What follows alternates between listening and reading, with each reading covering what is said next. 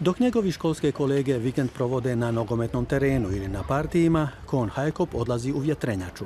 Pored redovite škole ovaj 16-godišnjak uči za mlinara. I to kod majstora Henka Demota u ovom 130 godina starom mlinu u Dongenu uz granicu s Belgijom. Kon je već stekao određenu rutinu. Prvo se podiže zastava, a to znači da je mlinar kod kuće. Nakon toga treba podmazati nosače krila. I to svinjskom mašću, kao što se to radi stoljećima. Na kraju se jedra razapinju preko krila.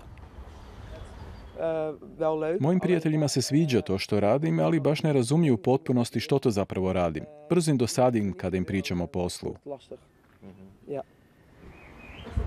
Bile dosadne ili ne, vjetrenjače su zaštitni znak nizozemske. Još uvijek ih diljan zemlje stoji preko tisuću i gotovo sve se okreću. I to ne samo zbog turista još uvijek melju žito, pokreću pile ili pumpaju vodu u poldere. No nedostaje podmlatka poput kona, žali se majstor koji će uskoro napuniti 70 godina. Vjetrenjačama se danas uglavnom bave umirovljenici u svoje slobodno vrijeme.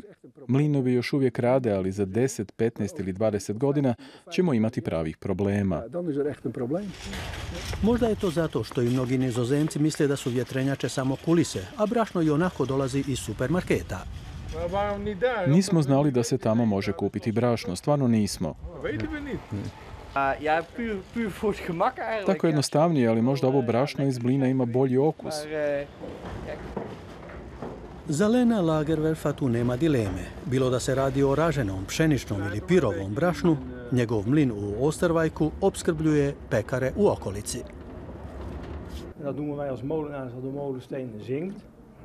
Kada, kako mi kažemo, stari mlinski kamen pjeva i kada je brašno meko i poput pjeska, onda znamo da je kvaliteta dobra.